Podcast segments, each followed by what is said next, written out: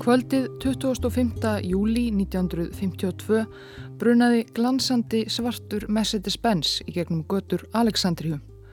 Aleksandria var og er næst stærsta borg Egiptalands í senn forn menningarborg og nútímanleg strandborg við miðjarðarhaf.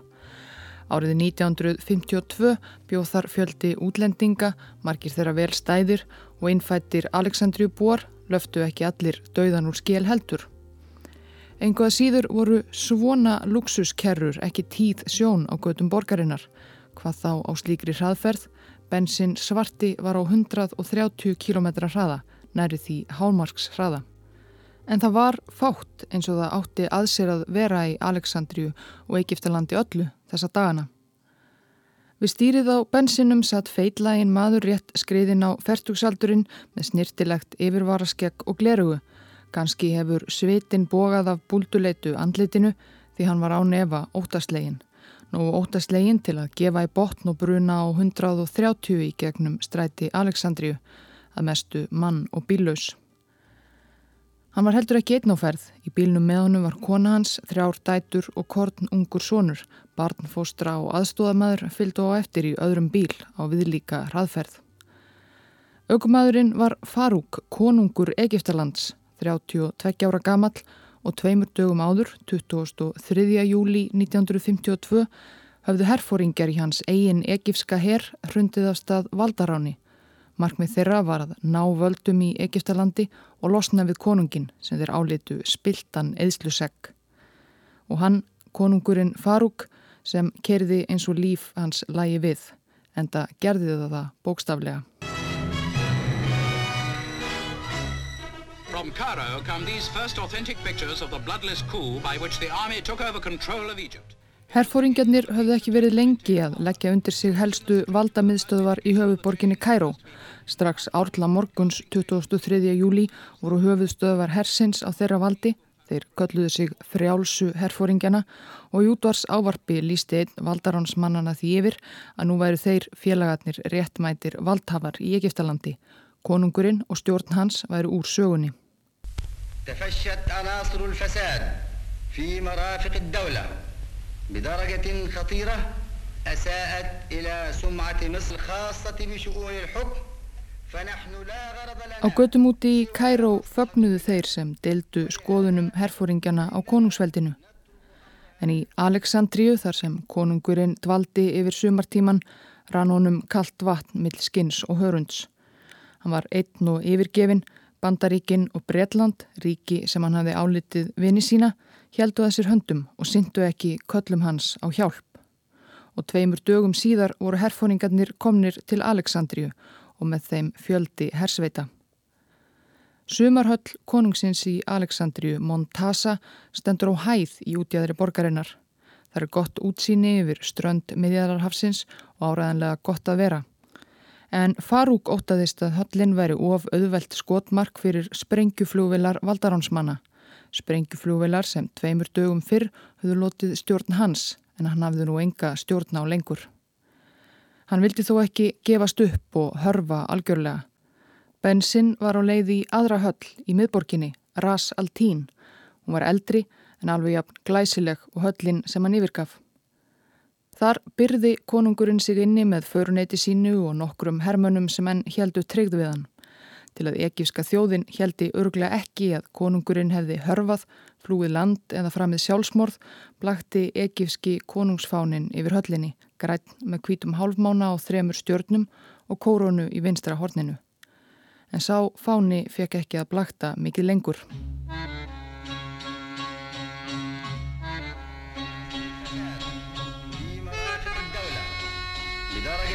خطيرة أساءت إلى سمعة مصر خاصة بشؤون الحكم فنحن لا غرض لنا Fyrstu skilabóðin frá valdaránsmönnum 23. júli flutti hersöðingin Mohamed Naguib. Hann var elstur með hæstu tegnina í hernum og því leðtogi byltingamannana. Eða þannig horfið það við ekísku þjóðinni. Í raun hafði Naguib bara verið fengin með til að auka tiltrú þjóðarinnar á valdaránsmönnum Eldri maður, hann var komin yfir 50 og reyndur og tröstveikjandi. Raunverulegur leðtogi frjálsu hersöðingjana eins og þeir kölluður sig var 34 ára, Gamal Abdul Nasser. Hann hefur oft komið við sögu í ljósi sögunar en það átti hann eftir að láta rækilega til sín taka bæði í Egiptalandi og á alþjóða vettfangi næstu árin, allt fram til dauðadags 1970.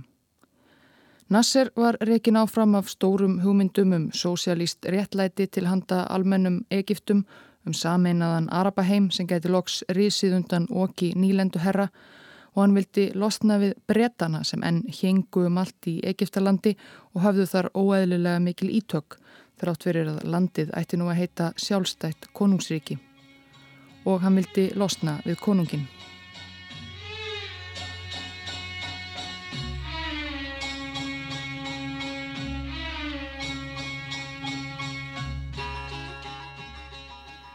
Þetta voru umbróta tímar fyrir konungsfjölskyldur um allan heim. Í Evrópu kvarf hver konungurinn og hver drotningin á fætur annar í róstrinu eftir heimstyrjaldirnar tvær.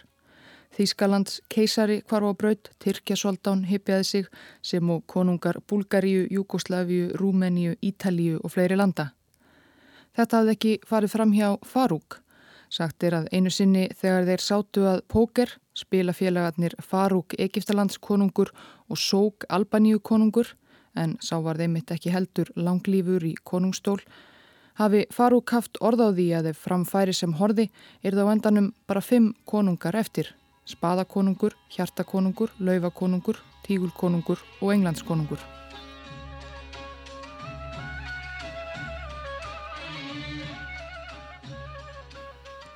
En Farúk ætlaði allavega að gera sitt besta til að halda bæði embætti og lífi og limum. Eftir ofsa aksturinn í gegnum Aleksandri og komuna í Rasal Tín höllina þá brá konungurinn sér út á svalir eftir því sem framkefur í æfiminningum konungsins sem hér verður af og til vísað í. Þá reyndist ekifski herin þegar hafa umkringt höllina. Það var strax skotið á hann. En konungurinn var fljótur að grýpa forláta veiðiriffil og skjóta tilbaka þó honum hafi að eigin sögn þótt erfitt að kingja því að þurfa að skjóta á eigin hermenn. Ég hæfði þrjá þeirra í fæturna og skaut eina vjelbissu skittu í hægri aukslina.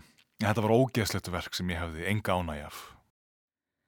En þó að konungurinn væri sling skitta átti hann og frekar fámenn lífvarðasveit hans ekki róði sameinaðan ekifska herin sem var harð ákveðin í að steipa honum af stóli og helst kasta út í hafsöga. Margir valdaránsmanna vildu helst taka konungin af lífi fyrir spillingu hans og glæpi gegn ekifskri alþýðu. Farúk var í vonlösi stöðu. Hann reyndi aftur að byðla til vestarætna vina. Örvendingafullur ringdi hann í bandaríska sendiherran og bað hann að semja við valdaránsmenn að konungsfjölskyttan fengi að yfirgefa landið. Sendiherran gerði sitt og nokkur síðar byrtust fulltrúar herfóringjana með úrslita kosti Farúk fengi að yfirgefa Egiptaland með fjölskyldu sinni ef hann afsaleði sér sjálfviljugur krúnunni fyrir svonsinn, krónprins Egiptalands. Farúk átti fjögur börn, þrjár dætur með fyrstu konu sinni, farítu drotningu og svo svoninn Ahmed Fuad, krónprinsinn, sem hann átti með setni eiginkonu, drotningunni Nariman. Krónprinsinn Ahmed Fuad var einungisum sjö mánada gamall þegar þetta allt saman gerðist en einhvað síður fjælst fadur hans á úrslita kosti valdaránsmanna og drengkornið var í flíti kríndur konungur Egiptalands.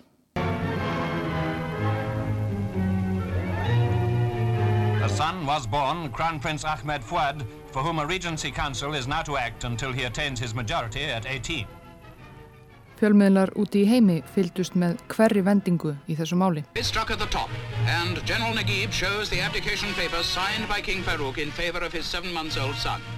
of klukkustundum eftir að Farúk skrifaði undir afsagnarbref sitt sem konungur með herfóringja á aukslinni létt svo snekja konungsins úr höfn í Aleksandríu.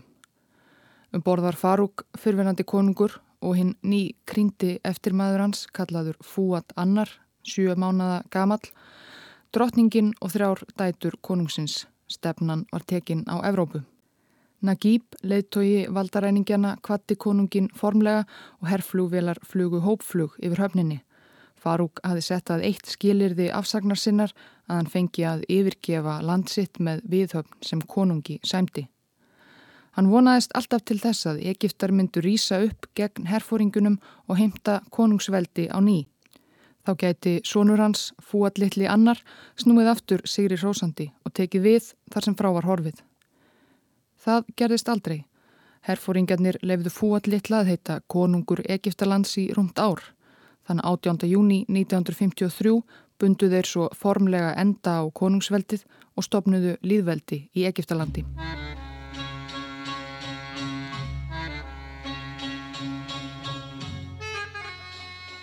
Það var söguleg stund en það eiga fá lönd sér jafn langa og ríka sögu af konungsveldi og einmitt Egiptaland.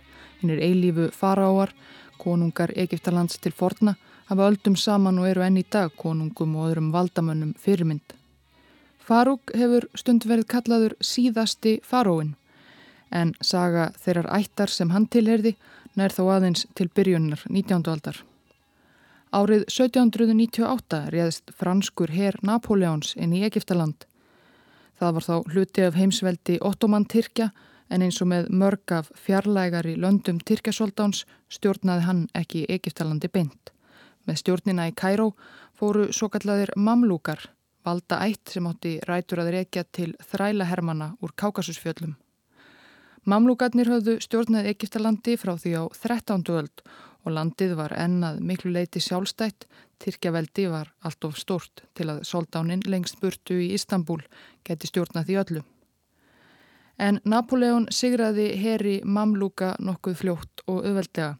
Hann var líka fljótur að tilenga sér nýtt hlutverk sem aðsti stjórnandi hins forna Egiptalands útnemdi með að segja sjálfan sig verðugan són spámannsins Múhameðs. En þrátt fyrir það var Napoleon ekki lengi í Egiptalandi. Herir Tyrkjasóldáns hröktu frakka á brott með aðstóð breyta þremur árum síðar, 1801. Egiptaland var þá aftur hluti af Tyrkjaveldi en friðurinn stóð ekki lengi. Mamlúkar vildu skiljanlega fá völdin aftur í sínar hendur og innan Tyrkneska hersins voru svo þeir sem vildu ekki endilega hlýta lögum soldánsins lengst burtu í Istanbul.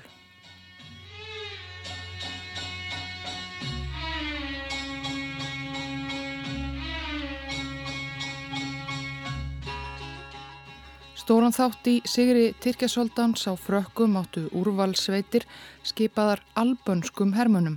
Albania var þá hluti af Tyrkjaveldi eins og meiri hluti Balkanskagans. Leðtogi Albanana í Egiptalandi hétt Mehmet eða Muhammed Ali Pasha. Hann var fættur í borginni Kavala þar sem nú er gríska hýraðið Makedónia til albanskra foreldra. Hann byrjaði að vinna fyrir soldánin sem skattheimtumadur í heimaborg sinni og var síðar sendur til Egiptalands að kveða niður Napoleon.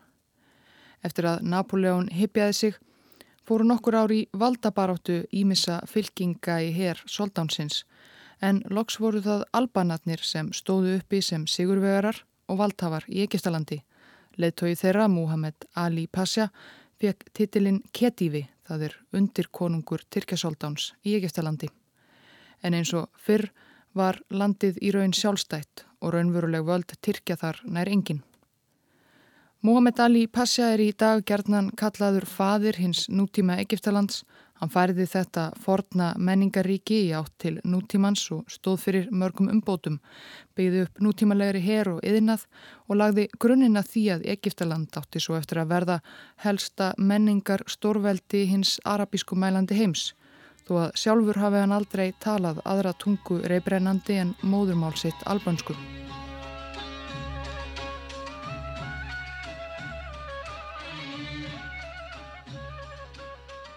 Þegar Muhammed Ali lést eftir um fjóra áratögi á valdastól var það sonur hans sem tók við og konungsætt var til.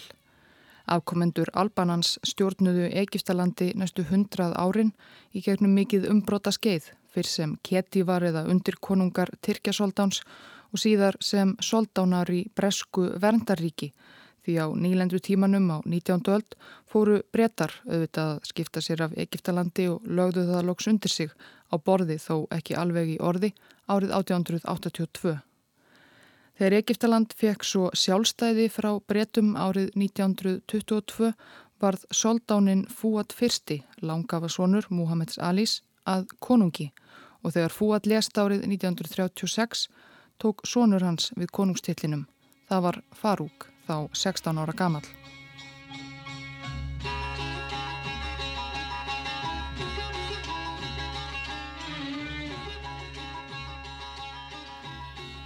Æviminningar Farúks sem hér hefur þegar verið vísað til byrtust í breska sunnudagsblæðinu Empire News vikulega veturinn eftir að herfóringjarnir röktu hann frá völdum. Þetta blað heimsveldis frettir er löngu hægt að koma út en það lítið eftir af breska heimsveldinu. Og æviminningar Farúks fjallu í gleimsku með blaðinu þar til sátíska sjónvarstöðin Al-Arabiya dustaði ríkið af þeim fyrir nokkrum árum. Það er spurning hversu áreðanlegur sögumadur Farúk sjálfur er. Honum er greinilega mjög munað verenda ímynd sína. En æfiminningarnar eru þó ágætis lesning. Farúk var skrautlegur maður og skrautlegur penni með sterkar skoðanir. Tökum dæmi. Eitt af allra fyrstu verkum herfóringjana sem fóru nú með öll völdi í Egiptalandi var að leysa upp alla stjórnmálaflokka og banna alla starfsemi bræðralags muslima, samtaka íslamista.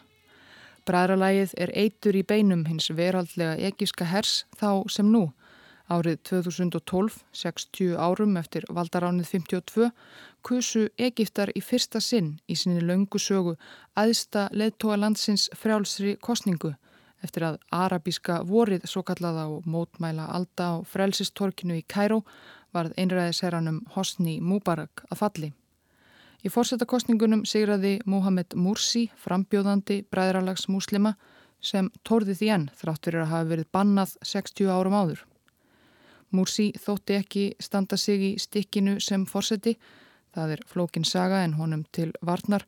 Þá hefði það reynst öllum ærið verkefni að reyna að vinda ofan af áratuga langri einræði stjórn og eftir umt ára á valdastól þá var honum sópað burt í enn einu valdaráni herfóringja og stungið í fangelsi.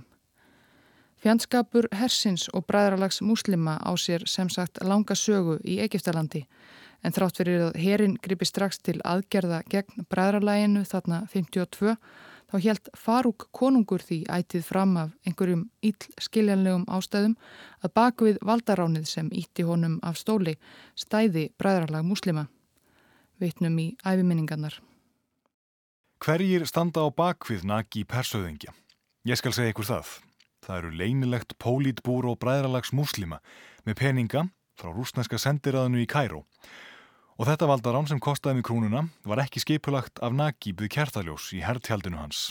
Heldur var það skipulagt fyrir hann af hópi erlendra hernaðaráðgjafa. Af hverju ætti rúsneska sendiráðið að vilja koma mér frá völdum? Því rússar hafa ákveðið að Egiptaland verði brátt önnur kórea og vænu blóði Egipta, bretta og bandaríkjamanna verði úthelt til að búa til rauðan dreigil fyrir rúsnesku skritreikana á leið til miðausturlanda á Evrópu. Fáir leggja í dag mikinn trúnað á þessa kenningu Farúks.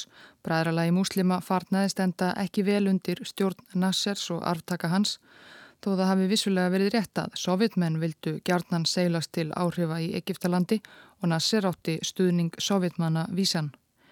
Kanski trúði Farúk statt og stöðugt að bræðralag múslima stæðið að baki valdaráninu vegna þess að hann gati ekki trúaði upp á egipska herin. Hann treysti hernum, það voru hans menn.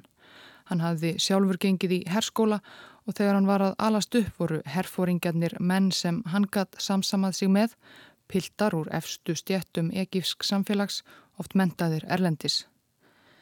En það sem konungnum hafði yfirsjast var að þetta var að breytast. Þegar hér var komið sögu voru herrmennur lægri stjettum byrjaðir að komast til metorða innan hersins. Gamal Abdul Nasser, hinn raunverulegi leðtogi Valdaránsins, var sonur postburðarmanns Hann átti ekkert sameinlegt með konunginum. Rúsnenska sendiráðið hafi lítið sem ekkert með valdarán Nassers og félaga að gera. Þvert að móti hafi bandaríska sendiráðið fengið veður af áformum herfóringjana fyrirfram, þauks ég leini þjónustunni CIA og geta samfært breyta um að beita ekki hervaldi gegn uppreysninni. Jável þótt að ljóst væri að þeir væru í þann mund að missa ítöksín í Egiptalandi.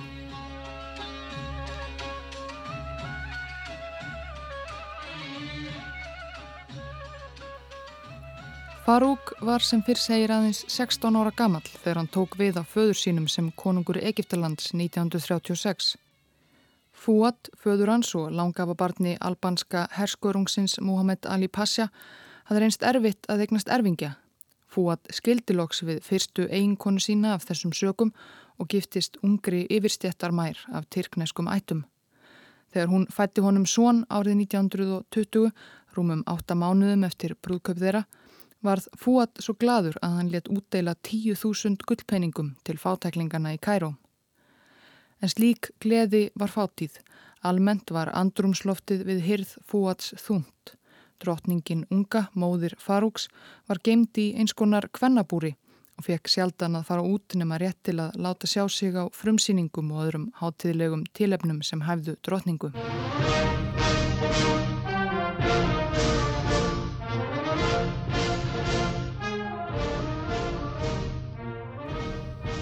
Líf sonarennar fylgdi einnig föstum skorðum. Hann var vakinn með lúðrablæstri, ekifski þjóðsungurinn, á hverju modni og baðaður, fættur og klættur af herr aðstóðarmanna sem kisti hendur hans og tær. Hann fekk sjaldan að fara út fyrir hallirnar og hallargarðana og fekk einungis að sjá móður sína í eina klukkustund á dag. Þessi stað ólst hann að mestu upp í umsjá sænskrar barnfósturu og umgekst aðalega fjórar eldri sístur sínar. Hann fekk ekki að blanda geði við jafnaldra sína eða eignast vini. Pappi minn á marga ráþherra, skrifaði hann eitt sinn í reitgerð, en ég á bara einn kött. Hann átti reyndar líka ímyndaðan vin, Ján. Ján var í raun ungur frændi sænsku bartfósturunar hans heima í Svíþjóð. Þeir Farúk hittust aldrei, en fóstran gaf prinsinum mynd af Ján sem Farúk hafði við rúmið sitt.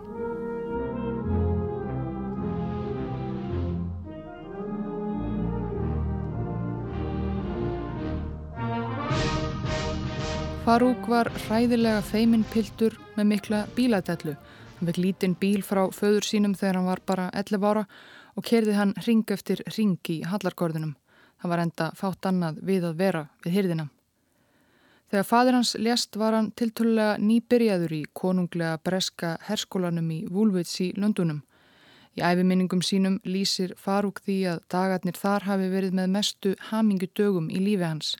Loksins hafði hann fengið að umgangast aðra drengi. Hann byrjaði að reykja í laumi og æði nefaleika. En þessi hamingja var skamminn.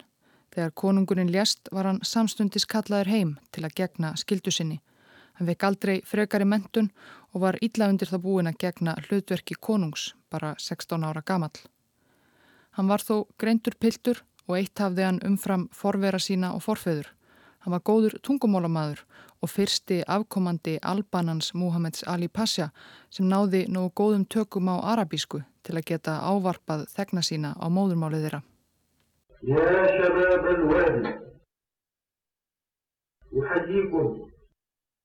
er mann að það er emel og maður er að ræða Á myndum af Farúk sem prins og ungum konungi byrtist alvörugefin en glæsilegur ungur maður í stífpressuðum enkennisbúningum með dökkan fes hatt á kollinum og vísi af yfirvaraskeggi á efrivörunni. En sem konungur fittnaði hann mikið. Á setni myndum af honum er hann undantekningarlöst feitasti maðurinn í hverju kompani með velhirt yfirvaraskegg sem minnir á Erkjúl Poirot og oftar en ekki með kringlótt sólglirugu sem gefa honum all spjáturungslegt yfirbráð. Þó hann hafi verið hlétrægur piltur, naut Farúk lífsins greinilega sem konungur. Hann fekk fljótt smekk fyrir póker og fjárhættuspili og satt lungum stundum við spilaborðið. Hann spilaði helstuð önnur fyrirmenni, ríkisbuppa og bankastjóra. Það voru ekki margir aðrir sem hafðu efni á að spila við hann, því sem konungur í Egiptalands hafði hann umtalsverð fjárráð. Farúk var svo ekki hrifin af því að tapa og auðvilda vildi enginn gerast svo kræfur að sigra sjálfan konungin og hann svona tapsár. Svo spilamennskan helt gerðnan áfram þar til hann bar sigur úr bítum, oft þrjá, fjóra, ég vil fimm daga. Eðslusemi konungsins og listisemda líf voru meðal þess sem fekk valdaránsmennina til að steipa honum á stóli, en hann blés á slíka gaggríni í æfiminningum sínum. Ég hef aldrei sagst verið hann er dýrlingur Hvaða maður sem þjenar 100.000 pund á ári og hefur aldur og heilsu til myndi ekki vilja njóta góðs matar og góðs félagskapar ef hann getur. Auðvitað tapa ég stundum í spilum en sannleikurinn er sá að ég er nokkuð góður fjárhóttuspilari og hef unnið mun oftar en ég hef tapað. Setni heimsturöldin barst til Norður Afríku í júni 1940 þegar brettar réðust á ítölsku nýlenduna Líbíu, grannríki Egiptalands og ítalir svöruðu með árás á Egiptaland nokkru síðar. Eldheitar deilur hafðu þá verið um það meðal Egipta árum saman að brettar voru enn með hermenn í Egiptalandi og skiptu sér þar af ímsu þrátt fyrir að ríkið ætti að heita sjálfstætt. Mörgum Egiptum var í nöp við bretta og þeirra á meðal var vissulega Farúk konungur. Hann var ekki óður og uppvægur að veita breytum aðstóði baráttu þeirra við Ítala og Þískaland. Sagt er jafnvel að konungurinn hafi verið hallur undir Öksulveldin, að þegar herir þjóðverja nálguðust Egiptaland frá Líbju hafi hann sendt Adolf Hitler símskeiti þar sem hann kvatti menn hans til dáða og vonaðist til þess að þjóðverjar frelsuðu Egiptaland loks undan oki breyta. Kanski var hann bara svona þakklátur því Hitler hafði ekki löngu fyrir stríð, sendt Farúk veglega brúðköpskjöf, svörtu Mercedes glæsikeruna sem hann notaði síðar til að flýja valdaránsmenni gegnum Aleksandriju á síðustu dögum valdatíðar sinnar. En eftir mikið stapp 1942 þvinguðu brettarloks Farúk konung til þess að hlýða og skipa ríkistjórn sem hendi styðja almennilega stríðsregstur bandamanna í Egiptalandi. Farúk stóð eftir auðmygtur og var í raun valdalaus til stríðsloka. Valdalaus og bitur. Til að reyna að gleyðja konungin emdu ættingjar hans og vinir í hástéttunum til veyslu. Á eftir þeirri veyslu tók við önnur veysla en glæsilegri eins og fyrri og önnur og veyslunar og böllin stóðu nær stanslust öll stríðsárin.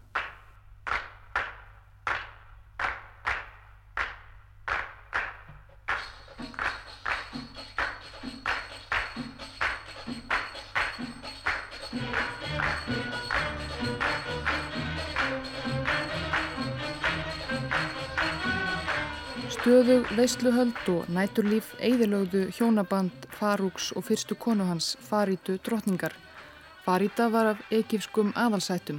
Þau hjónin höfðu kynst í egifsku yfirstjættarparti í Lundunum um miðjan fjórða áratugin, bæði táningar og gifst tveimur árum eftir að Farúk var krýndur konungur, hann átján, hún sögtján. Faríta var vel gefin og listnegð átti síðar eftir að leggja fyrir sig málarlist en í hennu karlæga konungsveldi Egiptalandi var það eitt talið skipta máli að hún þóknaðist manni sínum og fætti honum Karlkins erfingja svo konungsætt Muhammeds Ali Pasha mætti áfram lifa. Konungurinn satt allar nættur við spilaborðið á fínustu hótelum Kæró og þegar spilinu laug bauðan álitlegum einkonum spilafélaga sinna að koma með sér í bíltúr á Rolls Royceunum sínum eða öðrum glæsikaka eitthvað út í eigðimörkina sem umkringir höfuborgina.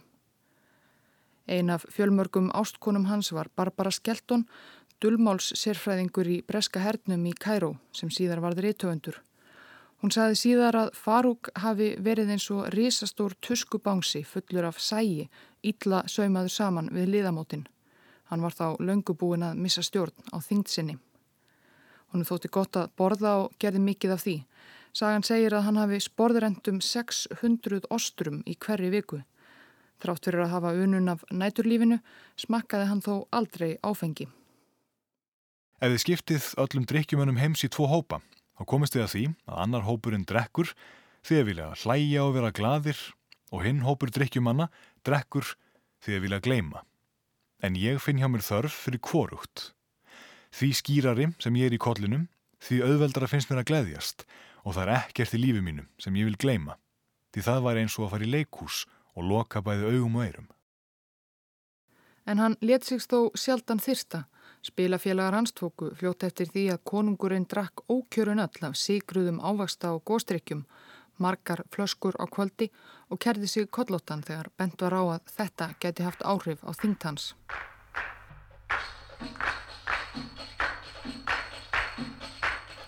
Í öllum veislunum stanslösu dansaði hann aldrei.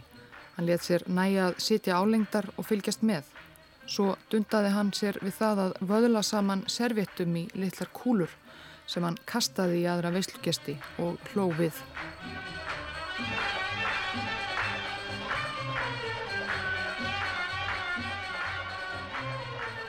Hann og Farida drottning skildu 1948. Fljótlega tók konungurinn saman við 16 ára miðstjættarstúlku, þau giftust 1951. Hún fekk titilinn Narriman drottning. Through the cheers of half a million, while guns salute the occasion and aircraft fly overhead, Queen Nariman approaches the Abdin Palace. Fyrir brúðköpið var Narriman sendi fjögur á mánuða námskeið í hirðsiðum í sendiráð Egiptalands í Róm. Hún var líka send í megrun. Skilirði konungsins var að ný eiginkona hans væri alls ekki þingri en 50 kíló. Sjálfur nálgæðist hann þrefalda þá þingd.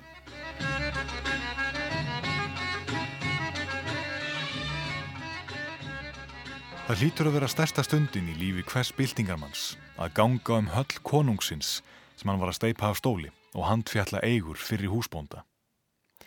Ég viðkenni það að ég hefði haft gaman að því að fylgjast með teprulegum klerkum bræðarlags múslima, ráfa um höllina mína eins og gamlar kettlingar í skoðanaferð, opna skúfur, kíkja í komóður og skápa og gapa eins og sveitadurgar yfir því hvað konungur nátti margar reynar skýrtur.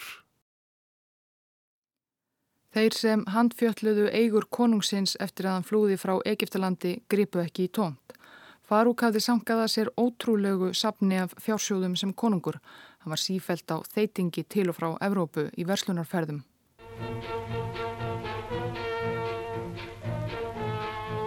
Royal bed is clearly luxurious, so is this little stock of comforts for leisure hours. Farouk- Mercedesins, brúðkaupsgjafarinnar frá Hitler, átti hann mörg hundruð glæsikerrur til viðbótar. Uppáhals bílinans var fagurauður Bentley og mun hann hafa fyrirskipað að engin annar bíl í gjörvöllu Egiptalandi mætti vera rauður svo að það skigði ekki á Bentleyin. Down in the underground vaults, there's a magnificent collection of treasures, of fortune in precious metals and jewels. Hann sapnaði öllu því sem hægt var að sapna, frímerkjum, úrum, fabersei, eggum, brefapressum og sjaldgefum aspirínflöskum. Hann átti eitt allra merkasta myndsapn í heiminum á þessum tíma, mörg þúsund fágætar myndir og meðal þeirra tvo dýrustu gullpenningasögunar. Fjársjóðir konungsins voru seldir á uppbóði í Breitlandi 1954. En svakalegri sögur gengu reyndar af því hvað hermennir sem fóru um hallir farúks eftir valdaránið fundu. Hann átti til að mynda hafa átt mikið sapn klámmynda, heilu geimslutnar fullar af filmum, meira en nokkur maður kæmist eflaust yfir að horfa á. En þetta er óstaðfest og í æfiminningum sínum í Empire News neytar konungurinn þessu alfarið Það er klámfengnu myndir sem hafi fundist í höllu hans hafi andstæðingar hans komið fyrir.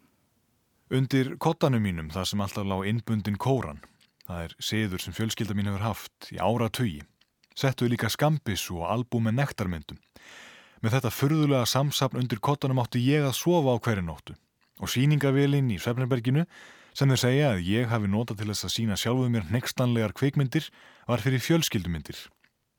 En svo margar aðrar konungsfjölskyldur höfum við haft mikið gaman af kveikmyndatökuvílinni okkar á tillitugum. Eftir að snekkjan flutti konungsfjölskylduna á braut hófust herfóringarnir Nagib, Nasser og félagar handa við mikla tilraun að byggja upp nýtt sósælist ekifst liðveldi, en það er önnur saga. Farúk og fjölskylda hans settust fyrst að á ítölsku eiginni Capri í útleðsinni og byggu síðar í Monaco og Loks í Róm. Mikil fenglegur auður konungsins var á bak og burt, hann hafði flúið landsitt með örfáar ferðartöskur. Hann átti leinireikninga í svisneskum böngum en svisnesk stjórnvöld voru ósamvinnu þýð og erfitt reyndist að ná þeim út. Konungurinn þurfti því að venja sig við nýjan og öllu naumari lífstíl, þó hann hafi tæplega liðið skort. Hann átti valdamikla og auðuga vini í Evrópu sem pössuðu upp á hann. Þegar stjórnvöld í Egiptalandi sviftu hann ríkisborgararétt sínum árið 1954 fekk hann snarlega ríkisborgararétt í Mónakó frá vini sínum Mónakófursta.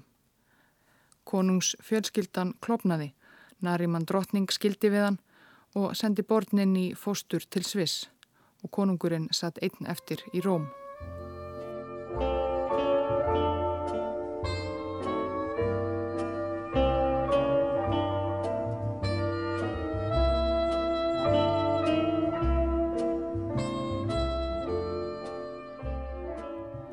Í Rómaborg mátti eftirleiðis yfirleitt finna konungin fyrverandi á veitinga og skemmtistöðunum við Via Veneto, eina frægustu götu borgarinnar sem gerðvarð ódöðlegi mynd Fellinis, við ljúfa líf.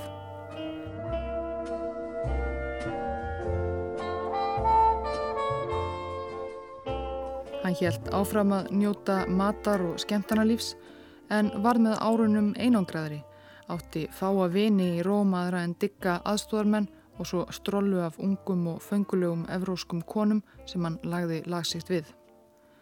Sjötti og sjöundi áratöðnir urðu gífurlega viðburðaríkir í sögu Egiptalands, súesteilan, styrjaldir. En líf konungsins fyrverandi varð viðburða minna. Hann horfið mikið á sjónvarpið og vandi þess á milli komur sínar á sömu veitingastæðina við Via Veneto. Hann var áfram hrifin af því að vöðla saman servéttur og kasta þeim í aðra matargesti. Að kvöldi 18. mars 1965 snætti konungurinn einu sinni sem oftar á sínum eftirlætis veitingastað, frönskum. Kvöldverðurinn var 12 ostrur, humar, tveir kúfaðir diskar með lambakjöti, stektum, kartöblum og bönum, sótavatn með.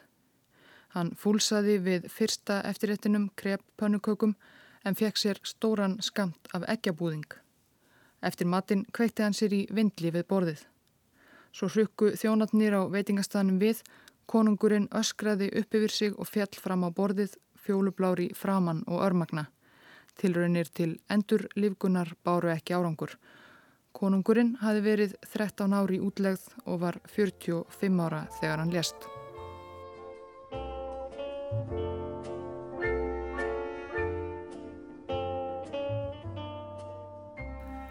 Til eru samsæriskenningar um að Nasser Forsetti hafi látið eitra fyrir Farúk. Engin kröpning var gerð á líki hans en erfitt er að sjá að Nasser hafi þá staðið mikil ógn af útlaga konunginum góðglæða. Farúk vildi láta grafa sig í aðal moskunni í Kæró en egifsk stjórnvöld neituðu þeirri bón og hann var grafin í Róm. Líkið var svo flutt til Egiptalands og grafið í moskunni mörgum árum síðar.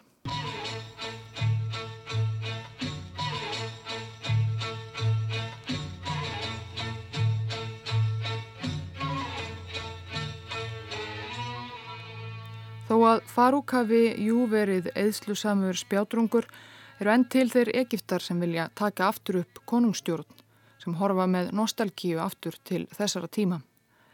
Undanfærin ár þegar hverjum nútíma faróanum á fætur öðrum hefur verið stift af stóli í Egiptalandi hefur krafanum að fá konungin aftur að vísu ekki verið sérstaklega hávær. Þó vissulega væri það lítið mál því síðasti konungur Egiptalands er í fullu fjöri. Sónurinn sem herfóringarnir heimtuðu að þeirri konungur í Farúks stað þá ekki enn orðin einsás á síðustu mánuðum konungstæmisins.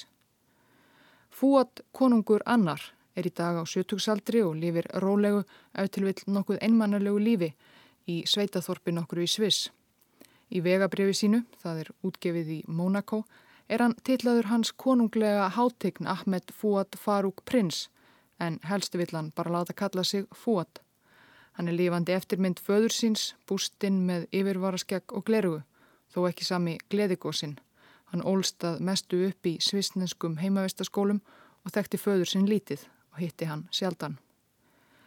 Hann getur og hefur farið til gamla landsins Egiptalands en lætur þó yfirleitt lítið á sér bera.